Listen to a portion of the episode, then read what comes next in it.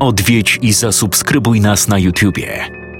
Bądź na bieżąco z nowymi filmami i słuchaj jeszcze więcej mrocznych historii.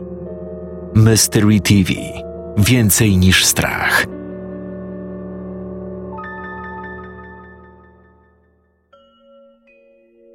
Śpisz? Wyszeptała cicho. Nie śpię, odpowiedział. A ona śpi? Zastanowił się. Chyba tak. Słyszę przez ścianę, jak chrapie. Chociaż sam wiedział, że one nawet gdy śpią, dalej czuwają. To chodźmy się pobawić. Wstała szybko, prawie potknęła się o koc. Podłoga była bardzo zimna, więc ubrała parę starych kapci. Daily, szybciej! Zawołała i już stała przy drzwiach. Jej brat dopiero siedział na żelaznym łóżku i ziewał. Znowu pada? Zapytał, przeciągając się. Tak, weźmiemy kurtki. Westchnął cicho i również ubrał buty. Potem zbiegli po schodach, starając się nie wydawać żadnych dźwięków. Z wieszaka w korytarzu wybrali dwa długie płaszcze i czapki. A co jeśli nas złapie? Zapytała nagle Navy. "Mm, Trudno, jakoś sobie z nią poradzimy. Możemy się schować w szafie, powiedziała i otworzyła szeroko drzwi wejściowe. "Mm, Oczywiście, że się bali. Nie chcieli skończyć w piwnicy. Ale z drugiej strony pamiętali opowieść o mędrcu Kahazali. Zamknięto go na wiele lat za spiskowanie przeciw władzy i skazano na śmierć. Jego cela miała kilka metrów i był w niej w całkowitej ciemności.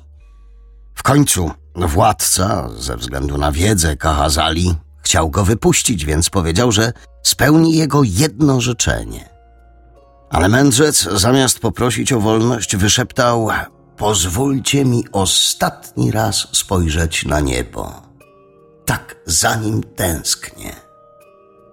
Uderzyło ich lodowate powietrze. Szybko wybiegli na dwór i zamknęli drzwi. Płatki śniegu opadały na ich płaszcze i włosy. Pierwszy śnieg w tym roku! zawołała szczęśliwa Navy. Jak myślisz, czy on przyjdzie? No, musi przyjść. Daily wyciągnął dłoń, na którą spadło kilka płatków. Obiecał.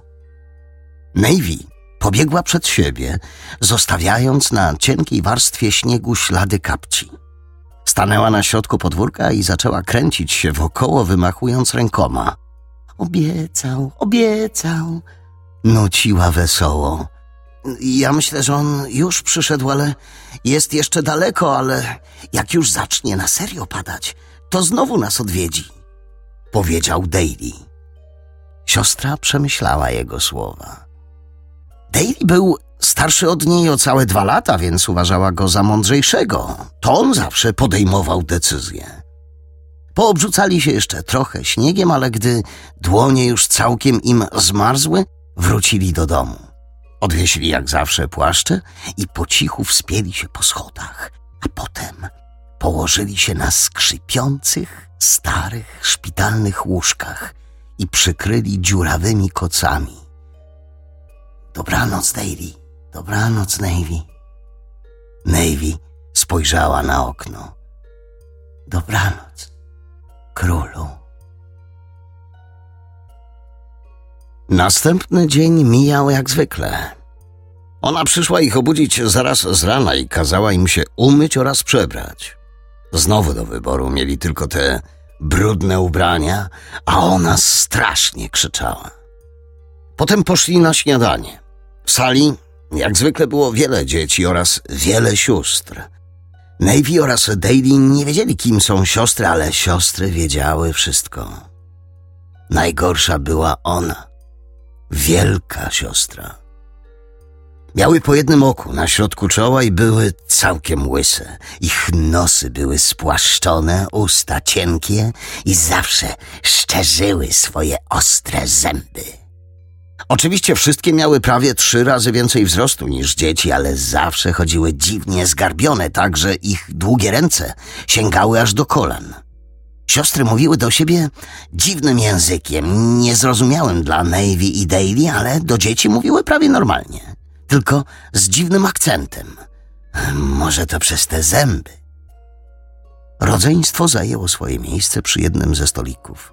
Siedzieli przy nim jeszcze Robert, Klaudia i Natalia. I co? Znowu byliście w nocy na zewnątrz? Warknęła Klaudia, gdy już przynieśli im chanris w misce. Chanris było dziwną, brązową papką. Nawet jeśli to co? Odpowiedział Daly. Jak się siostry dowiedzą, to zrobią z wami to samo, co z resztą. I co myślicie, że ten wasz król was uratuje? Gówno! Zdechniecie tu, jak my wszyscy! Zamknij się! Mruknęła Navy i połknęła trochę Chanris. Jak taka pewna jesteś, to czemu sama nie uciekniesz, he? Po co? Klaudia spuściła wzrok. I tak nas dopadną. Resztę śniadania jedli w milczeniu. Wszyscy wiedzieli, co siostry robią z dziećmi, które są niegrzeczne, albo z tymi, które są już wystarczająco duże. Siostry brały je do piwnicy, a potem. Navy spojrzała na Chanris i zrobiło jej się niedobrze. Po śniadaniu Navy i Daly musieli czyścić korytarz. Nie była to kara, po prostu wypadła ich kolej. Nie była to praca łatwa, ale mogli swobodnie rozmawiać, więc szło szybko. Navy tarła mokrą szmatą po podłodze, a Daly wynosił i wnosił wiadra z wodą oraz czyścił meble. Potem wystarczyło, żeby wszystko wypolerowali i kolejną taką pracę mieli za miesiąc. O, w międzyczasie pomagali w kuchni, przy zmywaniu naczyń, czyścili łazienki albo palili w piwnicy. To była najgorsza praca. Na początku było to okropne, ale po tylu latach no jakoś przywykli. Chociaż czasem nadal śniły im się koszmary. Piwnica była małym pokojem. Wystarczyło co jakiś czas nabierać szuflą i wrzucać to do pieca i pilnować wskaźników. Najłatwiejsza praca ze wszystkich.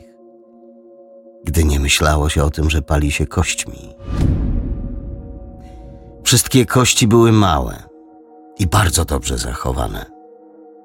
Gdy skończyli cały korytarz, byli już nieźle zmęczeni. Był wieczór, pora kolacji.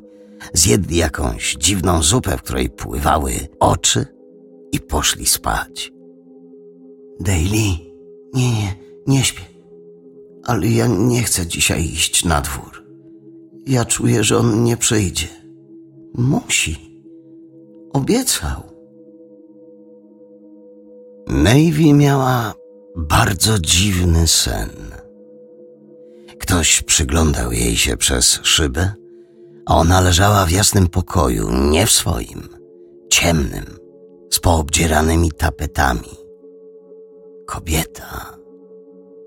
Kobieta się na nią patrzyła i płakała.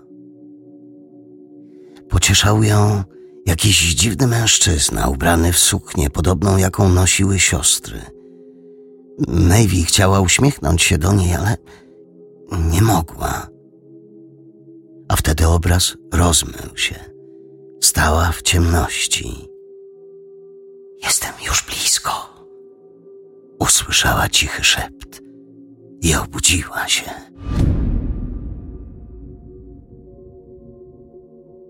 Jak poznali króla? To było na zimę, w tamtym roku. Bawili się na śniegu, gdy przyłapała ich siostra. Wtedy on pojawił się nie wiadomo skąd i zabił ją. Powiedział, że przybywa razem z mroźnym wiatrem, że jest potężny jak zimno i śmiertelny jak chłód, że pochodzi z krain, gdzie nigdy nie świeci słońce Opowiadał o tym tak pięknie. Król jest szybki, a wszystkie jego ruchy wyglądają jak taniec. Płatki śniegu wirują wokół niego, wiatr rozwiewa jego długi płaszcz i włosy. Król nie uśmiecha się. czasem tylko unosi ciemne wargi, szczerząc zęby. Mówiło sobie, że jest piękny jak tonący człowiek w lodowatym jeziorze. Daly nie zrozumiał tych słów, więc to tylko jego wina. Sierociniec był ogromnym budynkiem z mnóstwem pokoi. Na samym dole znajdowała się jadalnia, kuchnia, pokoje sióstr. Dwa kolejne piętra zajmowały pokoje dzieci, dwu, trzy albo czteroosobowe. Nie rozłączano rodzeństwa ani przyjaciół, zresztą dzieci wcale nie było aż tak wiele. Chociaż coraz częściej dochodziły nowe. Nie znali świata poza sierocińcem i ogrodem. Nie wolno im było wychodzić na zewnątrz. Podobno tam czyhały jeszcze większe niebezpieczeństwa niż siostry. Daly widział kiedyś dziwne, wysokie cienie spacerujące po drodze przed budynkiem. To wystarczyło, żeby znowu miał koszmary. Wysokie cienie, które karmią się życiem i światłem. Gdy tylko mogą, przychodzą w nocy do ludzi i stają nad nimi, wysysają z nich życie. Dlatego czasem, gdy zaśniesz, dalej budzisz się zmęczony. Ciszaj, obchafem fam bachę. Zaskrzeczała siostra. Dzieci siedziały grzecznie w wielkiej sali. Wielka siostra stała na środku, a wokół niej siedziały jeszcze trzy siostry. Rozłożyła ona swoje dłonie i zaczęła opowiadać historię. W dalekiej krainie Nara żył król, któremu urodziła się córka. Wszyscy, którzy tylko zobaczyli małą księżniczkę, od razu przyznawali, że piękniejszej istoty jeszcze nie widzieli. Miała w sobie tyle uroku, że wszyscy byli pewni, że będzie najlepszą królową. Jednak król chciał się upewnić, dlatego zaprosił na bal z okazji urodzin cztery wróżki. Każda z nich dała księżniczce dar. Pierwsza spojrzała na nią i powiedziała: Daję ci jedno oko, abyś mogła widzieć rzeczy, które inni nie dostrzegają. Druga powiedziała: Ja daję ci niezwykłe ciało, dzięki któremu będziesz bardziej zwinna i szybsza. Trzecia, najmłodsza, wyszeptała: Ode mnie masz długie szpony, dzięki którym będziesz mogła się bronić przed wszystkim.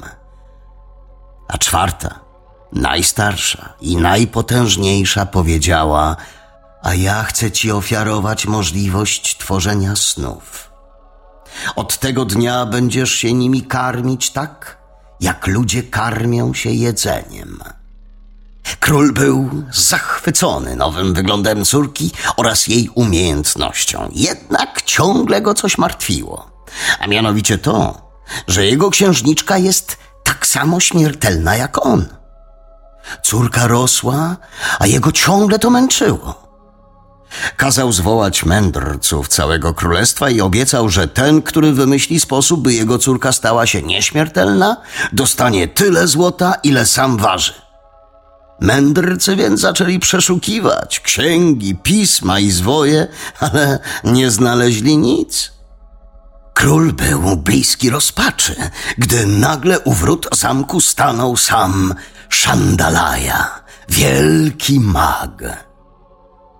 Powiedział on, królu, znam twoje troski, lecz nie martw się już. Znam ja lekarstwo na śmiertelność twojej córki. Musisz wyznaczyć najodważniejszego ze swoich rycerzy i kazać mu wyruszyć na zimną i pokrytą lodem północ. Gdy przemierzy już lodową pustynię, na końcu jej znajdzie małą dziewczynkę. Musi on ją zabić, a jej krew wskaże mu dalszą drogę. Przestanie padać śnieg, a słońce zajdzie za ciemnymi chmurami. Znajdzie się w dolinie cienia śmierci, pośród martwych łąk i martwych lasów. Stanie naprzeciw wielkiej rzeki Darkhavene, lecz niech nie próbuje jej przekroczyć sam. Mieszka w niej złośliwy i zły duch. By przejść przez nią, niech w podróż weźmie giermka. Gdy nadejdzie czas, niech wrzuci go do rzeki, a duch zje giermka i najedzony pozwoli rycerzowi przejść. Dopiero wtedy zobaczy wielki, ponury dom. Jest to siedziba samego Niri Wegzineta. Musi on zdobyć serce Niri i przybyć z nim do księżniczki. Gdy twoja córka je zje, stanie się nie tylko nieśmiertelna, ale również odporna na wszystkie zranienia, trucizny i choroby.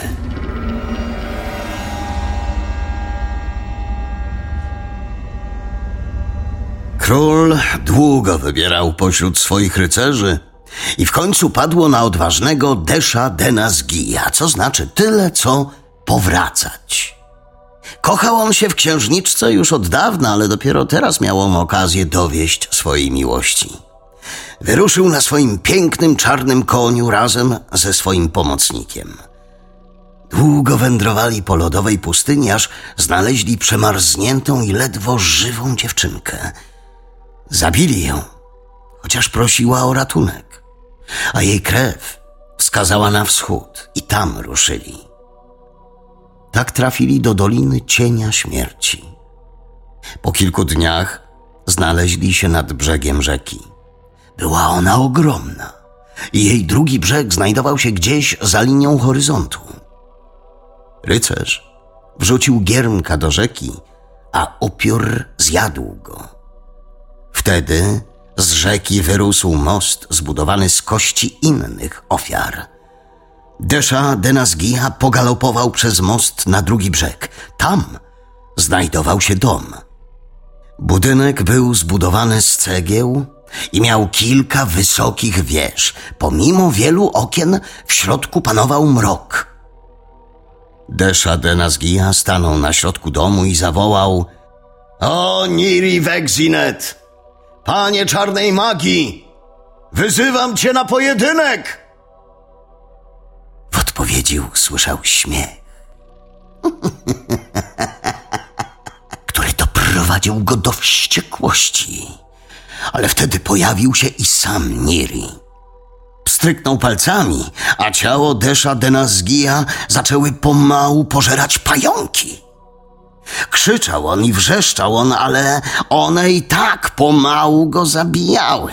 Robiły to niezwykle dokładnie, tak dokładnie, że nawet po pięciu dniach rycerz nadal żył, choć cierpiał straszne katusze.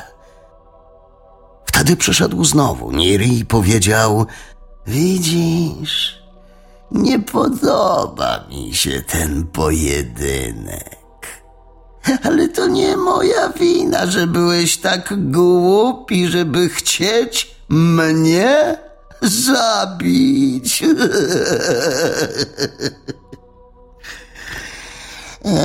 Jednak robiłeś to z miłości, a to tylko potwierdza twoją głupotę. Ale podobasz mi się bo żyjesz już piąty dzień, a większości z moich ofiar przeżywało tylko trzy. Dlatego mam dla ciebie propozycję. Zabiłeś niewinne dziecko, więc teraz zostaniesz opiekunem dzieci. Dam ci moc, nieśmiertelność i nowe ciało. Jesteś teraz już kimś innym.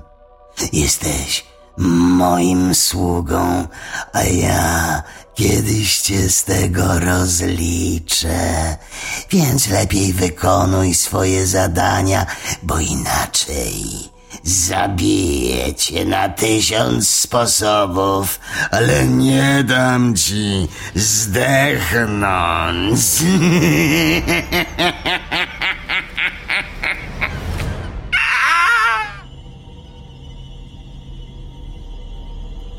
I tak Desza Denazgija został wysłannikiem Niri. Niri poszywał jego rany czarnymi nićmi, ale one nigdy się nie goiły. Dlatego też u Denazgija musi ukrywać się w zimnie, bo tylko ono daje mu ukojenie bólu. Księżniczka za ten czas dorosła i sama zdobyła wieczne życie za sprawą czarnej magii. Dzięki temu była prawie niezniszczalna. Zabiła swojego ojca i cały dwór, a zamek zamieniła w cmentarz. Następnie ożeniła się z potężnym nekromantą Gunkha. To ona jest pramatką naszą, a my wszystkie jesteśmy jej dziećmi.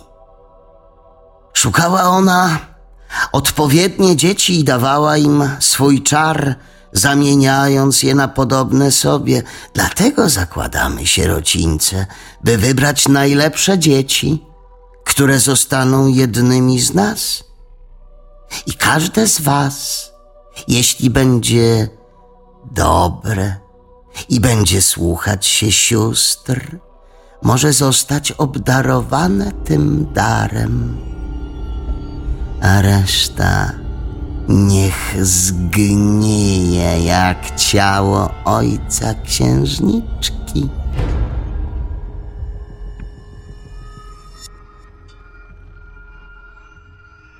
Tej nocy zaczęła się śnieżyca. Płatki na początku padały spokojnie, niesione delikatnym, subtelnym wiatrem, ale już po chwili zaczęły tańczyć w szalonym tańcu. Lodowaty wiatr uderzał w ściany sierocińca, a Navy i Daly wpatrywali się w okna, wyczekując króla. On nie przyjdzie, wyszeptała Navy, a łzy pociekły po jej policzkach. Przyjdzie, warknął Daly. Nagle wydało mu się, że coś widzi. Jakby postać wśród płatków śniegu. Otworzył szeroko oczy i krzyknął radośnie. Trochę za głośno. Szybko wybiegł z pokoju. Zbiegł po schodach tak szybko, jak potrafił i już chciał wyjść na zewnątrz, gdy usłyszał cichy głos. A ty gdzie się wyberasz?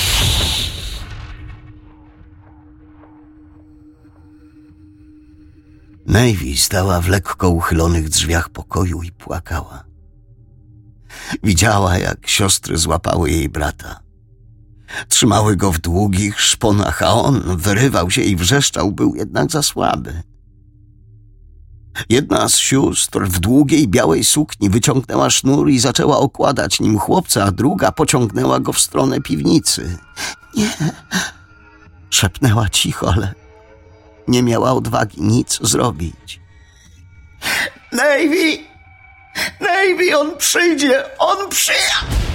Wrzeszczał Daily, dopóki jedna z sióstr nie złapała go za gardło. Przepraszam za tamto. Serio przykro mi, że one złapały twojego brata. Powiedziała Klaudia, zawzięcie wpatrując się w swoje śniadanie. Tym razem były to kanapki z serem. To nie twoja wina. On... Szepnęła cicho Navy i znowu prawie się rozpłakała. Zabiły go. To pewne. Zabiły go. Król ich oszukał. Jednak gdy wróciła do pokoju, czekała ją niespodzianka. Daily leżał ledwo przytomny na podłodze w samej bieliźnie. Z pleców miał prawie zdartą skórę, ale nie krwawił aż tak bardzo. To było tylko ostrzeżenie, wyszeptał, gdy podeszła do niego. Pomogła mu położyć się na łóżku, a on był tak wyczerpany, że od razu zasnął. Spojrzała na niego przez łzy i wiedziała: Muszę uciec. Za wszelką cenę. W nocy obudził ich hałas.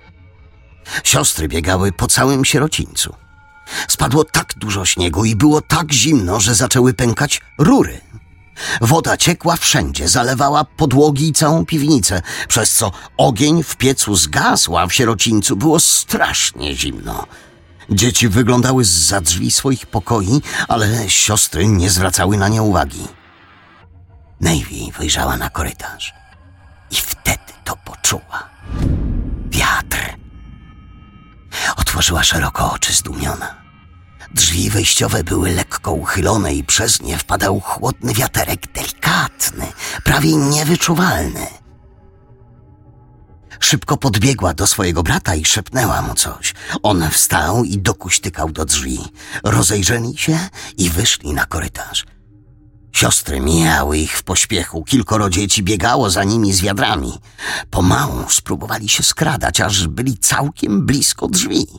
Navy ściągnęła dwa płaszcze i jeden podała Daly'emu. Skrzywił się, gdy poczuł materiał na plecach. Nie było już innej możliwości. Woleli umrzeć na mrozie, niż dalej żyć tutaj, jak jakieś zwierzęta hodowane przez siostry. Navy już miała otworzyć drzwi, gdy usłyszała dziwny dźwięk. Siostry stały wokół nich. Nie, nie znowu, wyszeptał Daily i zaczął płakać. Najważniejsza z sióstr wskazała na chłopca i wyciągnęła nóż. Navy poczuła, jak kolana się pod nią uginają. Nie chciała umierać, nie chciała. Ratunku! Krzyknęła, jakby mogło to coś zmienić. Zaczęła płakać, schowała twarz w małych dłoniach. Kłamca, kłamca, oszust, kłamca. Wtedy drzwi nagle otworzyły się. Wpadł szybko tak samo jak mroźny wiatr. Rozerwał wielką siostrę rękoma, wbił paznokcie w jej krtań i krew ochlapała jego czarną suknię. Spływała po bladych, poszywanych nićmi ramionach, tworząc niezwykłe wzory. Odwrócił się, a falbany pod suknią uniosły się. Reszta sióstr próbowała go zaatakować, ale on wyciągnął ostry miecz i pociął je na kawałki. Jego walka wyglądała raczej jak taniec. Suknia, płaszcz i krew wirowały w dzikim układzie. Po chwili na podłodze leżały martwe, zakrwawione kawałki mięsa, kości, a pojedyncze gałki oczne turlały się po podłodze. Rozejrzał się i skoczył do nadbiegającej siostry. Wbił paznokcie w jej klatkę piersiową i siostra upadła. W sierocińcu zapadła cisza. Reszta sióstr stała daleko. Dzieci wyglądały przerażone przez drzwi, chowały się pod schodami. Daily spojrzał na przybysza z szeroko otwartymi oczami. Przyszedłeś? Przecież obiecałem. Powiedział król i zaśmiał się. A teraz wezmę was do lepszego miejsca.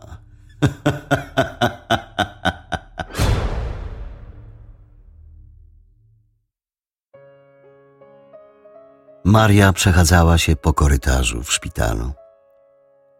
To była chyba jej najgorsza z prac. Wytrzymywała przy wypadkach, długo pracowała w karetce, krew. Często ludzie umierali na jej oczach. Ale to było o wiele gorsze. Śpiączka.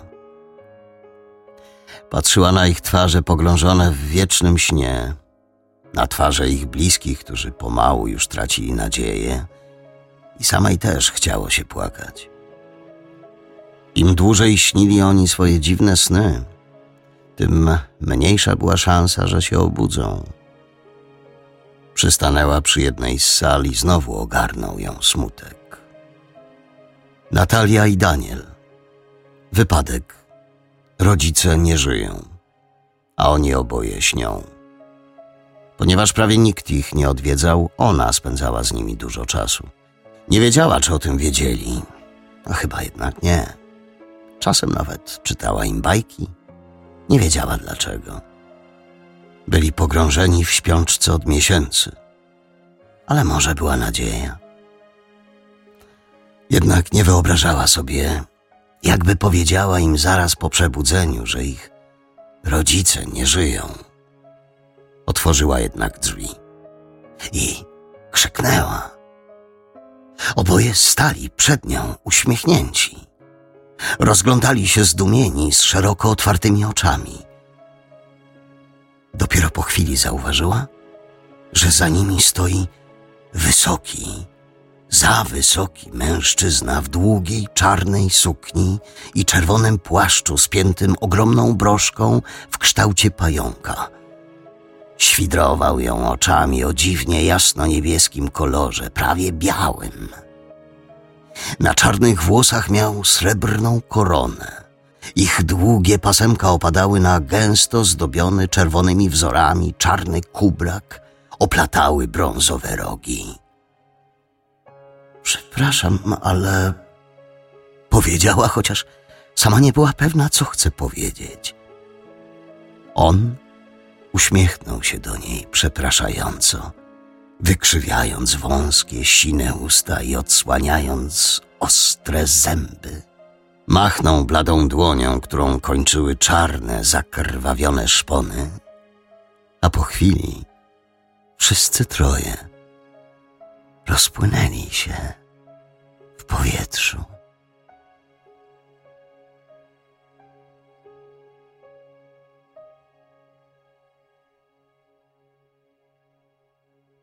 Czytał Janusz Zadura.